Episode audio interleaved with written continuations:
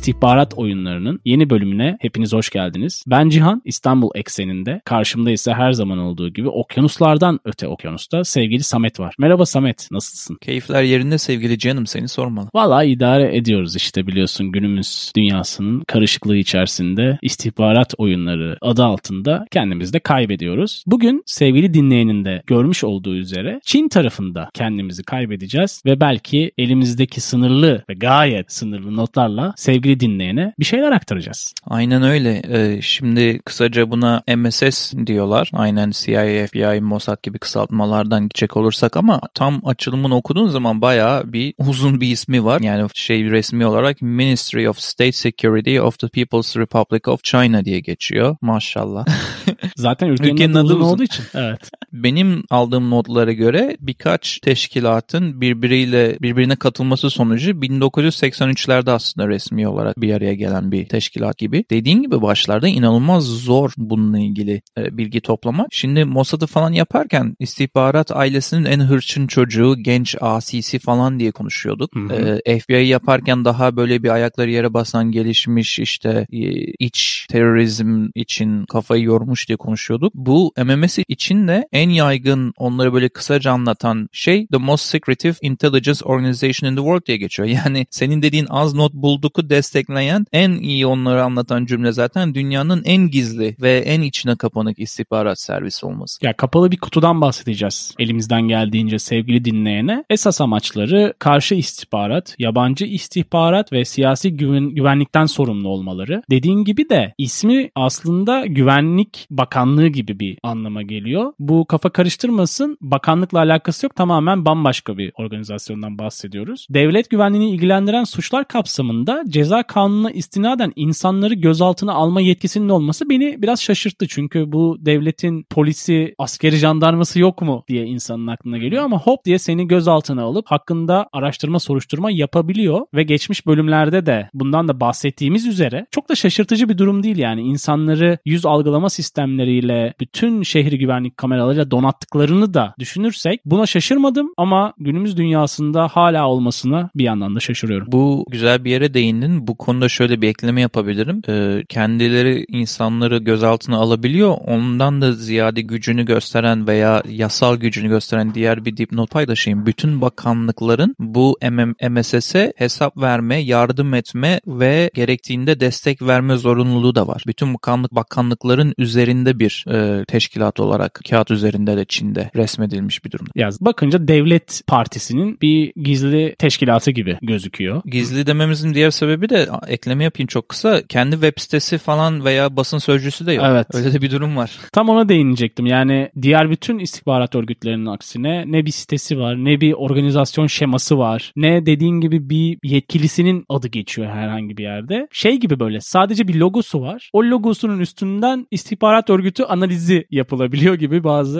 şakalar da gördüm internette. Yani e, ben de işte böyle yine derinlere dalmaya çalıştım. Gerçekten hiçbir şey yok mu diye birkaç ufak şeyler bulabildim böyle cımbıza çekip ama ya örneğin mesela eski polis teşkilatından olan yani ismini de yanlış söyleyeceğiz Çince bilmediğimizden ama Chen Wenging isimli bir adam şu an başındaymış diye düşünülüyor. E, diğer aldığım bilgilerden biri FBI ve CIA ve NSA karışımı diye tanımlanmış şu anlamda. Evet. Hem içerideki olaylara hem dışarıdaki uluslararası olaylara hem de siber saldırılara hepsine birden bakan bir teşkilat konumunda. Benim de araştırırken derin araştırmalar esnasında karşıma kurumun yanlışlıkla bir üniversite sitesinden yayınladığı bir iş ilanı. Denk geldin mi sen de ona? Denk geldim evet ama e, çok ayrıntılarına girmedim. Onu bize anlatırsan süper olur. Yani ben dosyanın daha doğrusu sayfanın kendisinin screenshot'ını bir gördüm böyle çok bulanık. Ama Çince konunun- olarak. Evet ama konunun ayrıntılarını bilmiyorum. Onu anlatırsan çok iyi olur. Şimdi bu bahsettiğim iş ilanı zaten tek bilinen ve ardından da hemen kaldırılan bir iş ilanı. Yani bu kuruma ait tek ve belki de sadece olacak olan o. İlanda şundan bahsediyormuş Samet. Eğer iyi bir vizyonun ve orantılı bir vücudun varsa MSS seni bekliyor. İlanda yabancı dillerde bulunan yüksek lisans öğrencilerine ithafen bir cümle var. Bu aranan kriterlerin arasında Uygurca, Tibetçe, Mongolca ve Kazakça konuşabilmeleri tesadüf değil diye düşünüyorum o Çin'in aktif olduğu coğrafya içerisinde ajan miktarını arttırmak için. Ayrıca bilgi güvenliği hakkında da bir uzmanlık seviyesi isteniyormuş. Maaş çok güzel. 10 yıllık bir kontrat ve aylık 600 dolarlık bir maaş ki Çin ekseninde fena da olmayan bir para gibi gözüküyor. Aynen. 10 yıl en azı en az zaten kontratları yaparken en azı 10 yıldan başlıyormuş. Yani bunu 20 yıllık bir kontratta yapabilirsin duruma göre. Hayat boyu ajan oluyorsun. Zaten on binlerce ajan olduğu öngörülüyor ki diğer istihbarat örgütlerine göre ne yaklaşık bir ajan sayısı, ne personel sayısı, ne bir bütçe olmadığını düşünürsek bunlar tamamen izafi. Ama Amerika'nın bir numaralı işte tehdidi olduğu için Çin. Hani bakınca Rusya, Kuzey Kore, İran da var ama Çin her zaman bir numarada Amerika için. O yüzden de istihbarat savaşları içerisinde çok önemli bir yeri var Çin'in MSS'inin. Hem stratejik olarak hem de ekonomik olarak bir savaş var biliyorsun. Ben biraz hafif geriye saracağım. Bu istediğini gözaltına alıyor dediğin için oradan yakaladım. Hı hı. Şimdi onunla da ilgili biraz bilgiye ulaştım. Yine Çince bilmediğin için adını yanlış söyleyeceğim.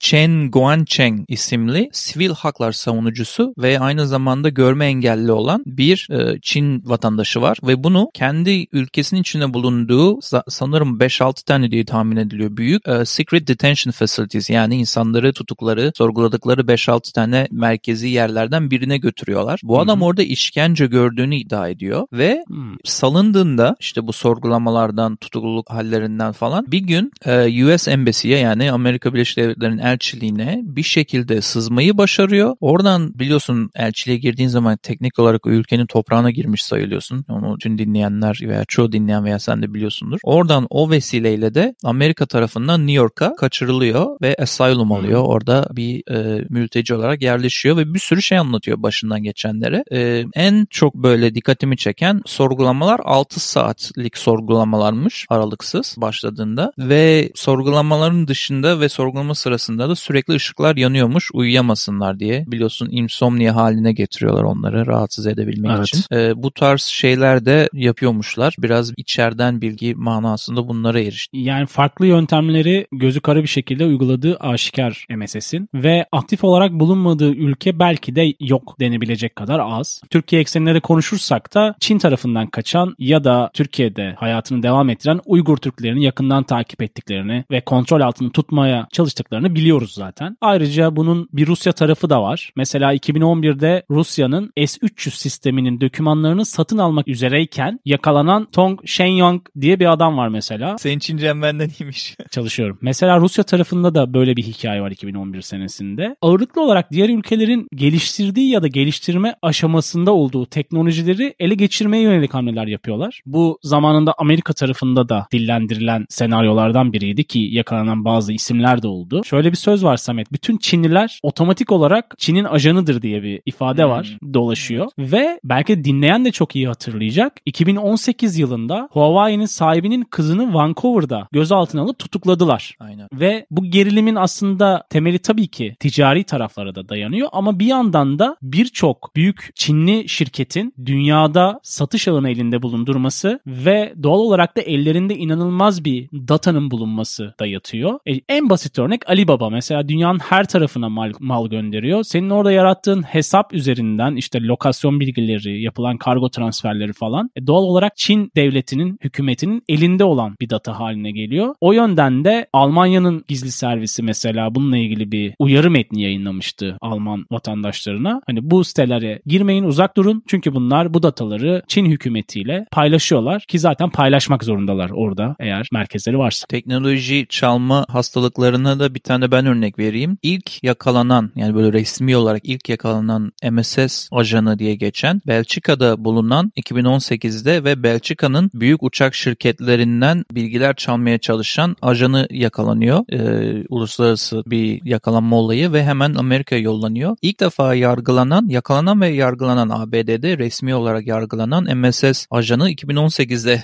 bulunmuş. Bu da ne kadar gizli olduklarını tahmin edersin bir kez daha kanıtlıyor. 2018 yani düşün ne kadar yakın bir tarih. Amerika tarafına baktığımızda da şimdi Amerika her sene belli bir sayıda göçmeni ülkesine kabul eden, göçmenle kalmayıp öğrenci statüsünde bir sürü insanın dönemsel olarak gittiği, bununla da kalmayıp turist olarak da gidenler oluyor biliyorsun ve Çin tarafından da yoğun bir akış var. Bunların analizi, kontrolü Amerika için zor. Çin için belki bir fırsat olabilir bu kadar insanın oraya gitmesi. Ayrıyeten de Amerika tarafını söyledikten sonra Çin'in etrafındaki ülkeleri kontrol etme anlamında ne kadar agresif olduğunu yakın geçmişte dinleyici hatırlayacaktır. Mesela son günlerde de en büyük baskıyı Tayvan tarafını yapıyorlar. Hı. Tayvan'daki mevcut yönetimi değiştirmeye çalışıyorlar ve Tayvan'ı kendilerine bağlamaya çalışıyorlar. Çünkü Hı. Çin ne kadar toprak e, yüz ölçümü büyük olsa da bütün çevresindeki on zamanındaki Çin imparatorluğundan ayrılan ülkeleri kendinin bir parçası olarak görüyor ve onların ona bağlanması gerektiğini düşünüyor ve Tayvan'da da böyle bir durum var güncelde. Yakın zamanda Hong Kong'da olaylar olmuştu ve problemler yaşanmıştı.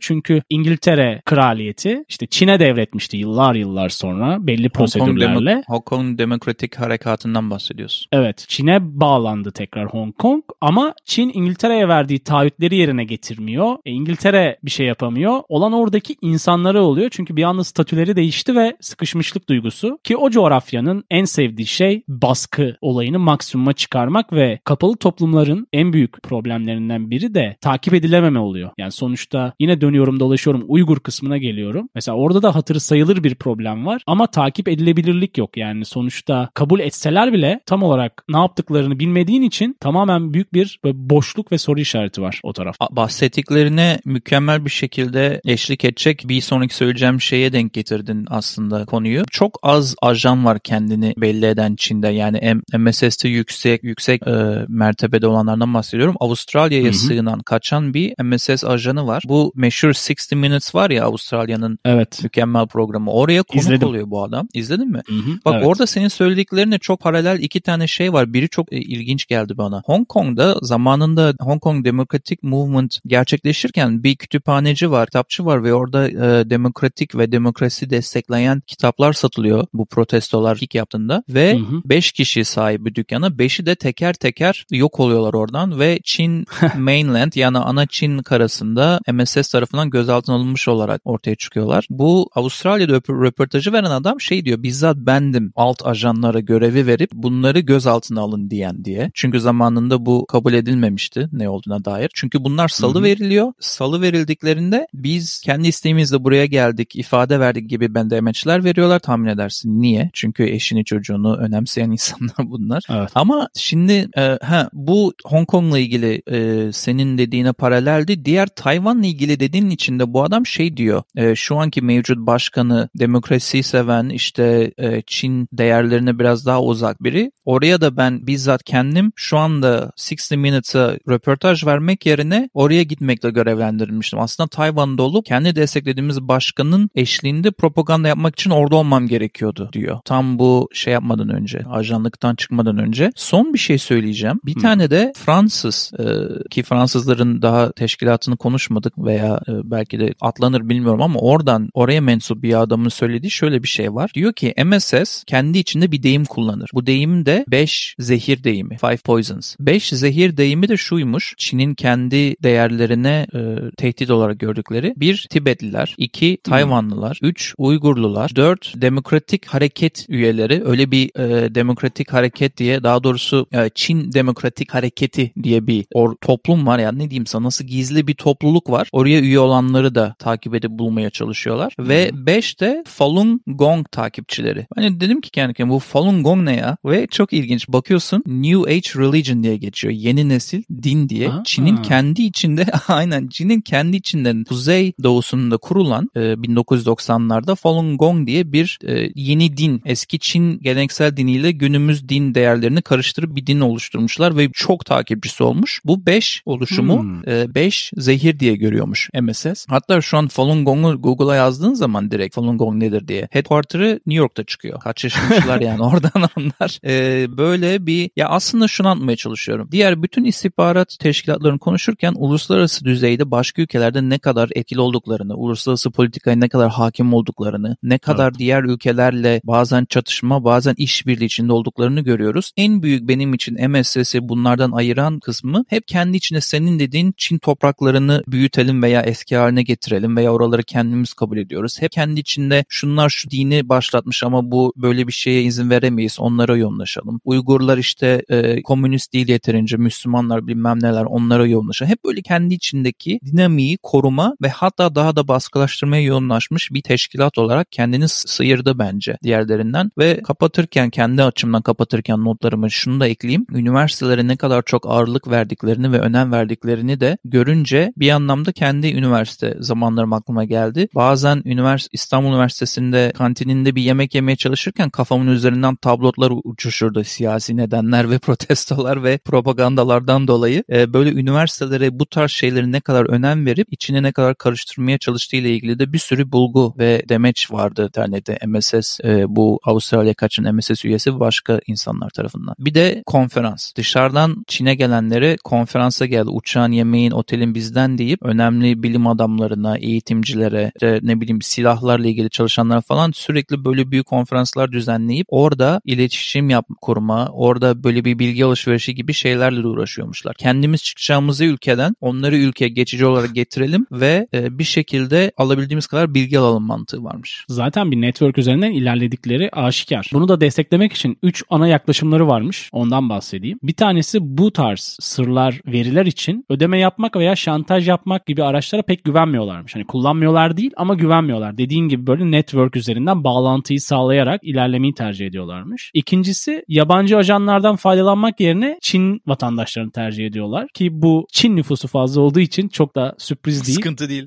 Aynı yolun yoldaşıyız mantığında. Üçüncüsü ise e, Çin'in ekonomik, askeri ve politik önceliklerinden bağımsız olarak böyle gayri resmi e, bağlantılar üzerinden ikincil bir rol oynayarak gerekli dataya, veriye ulaşmaya çalışıyorlarmış. Bunu da büyük ihtimalle zaten biraz önce örnekleme yaptığımız işte yabancı ülkelerin, farklı ülkelerin teknolojilerini ele geçirme sevdalarının bir açılımı olarak düşünebiliriz. Kapatırken en çok sevdiğim kısım olan komplo teorilerine de değineyim o zaman. Lütfen, lütfen. Sabırsızlıkla bekliyorum. Zamanında başkanken Trump'ın kendi cep telefonundan yaptığı bütün arkadaş ve iş adamlarıyla görüşmelerini de bugladığı ve dinlediği düşünülüyor Çin MSS örgütünün. Ee, diğeri de Çin'de 12'den fazla CIA'nin kurduğu e, işte istihbarat network'ünü MSS'in başarıyla çökerttiği iddiası. Yani CIA'nin Çin'de çok zorlandığı ve bilgi alışverişi için bulunmakta sıkıntı çektiği anlamında bir teori var. Zaten CIA'nin en çok enerjiyi harcadığı ülke Çin'dir diye düşünüyorum. Çok da sürpriz olmasa gerek. Cihan'ım yani bu çok kısıtlı olan MSS hakkında benim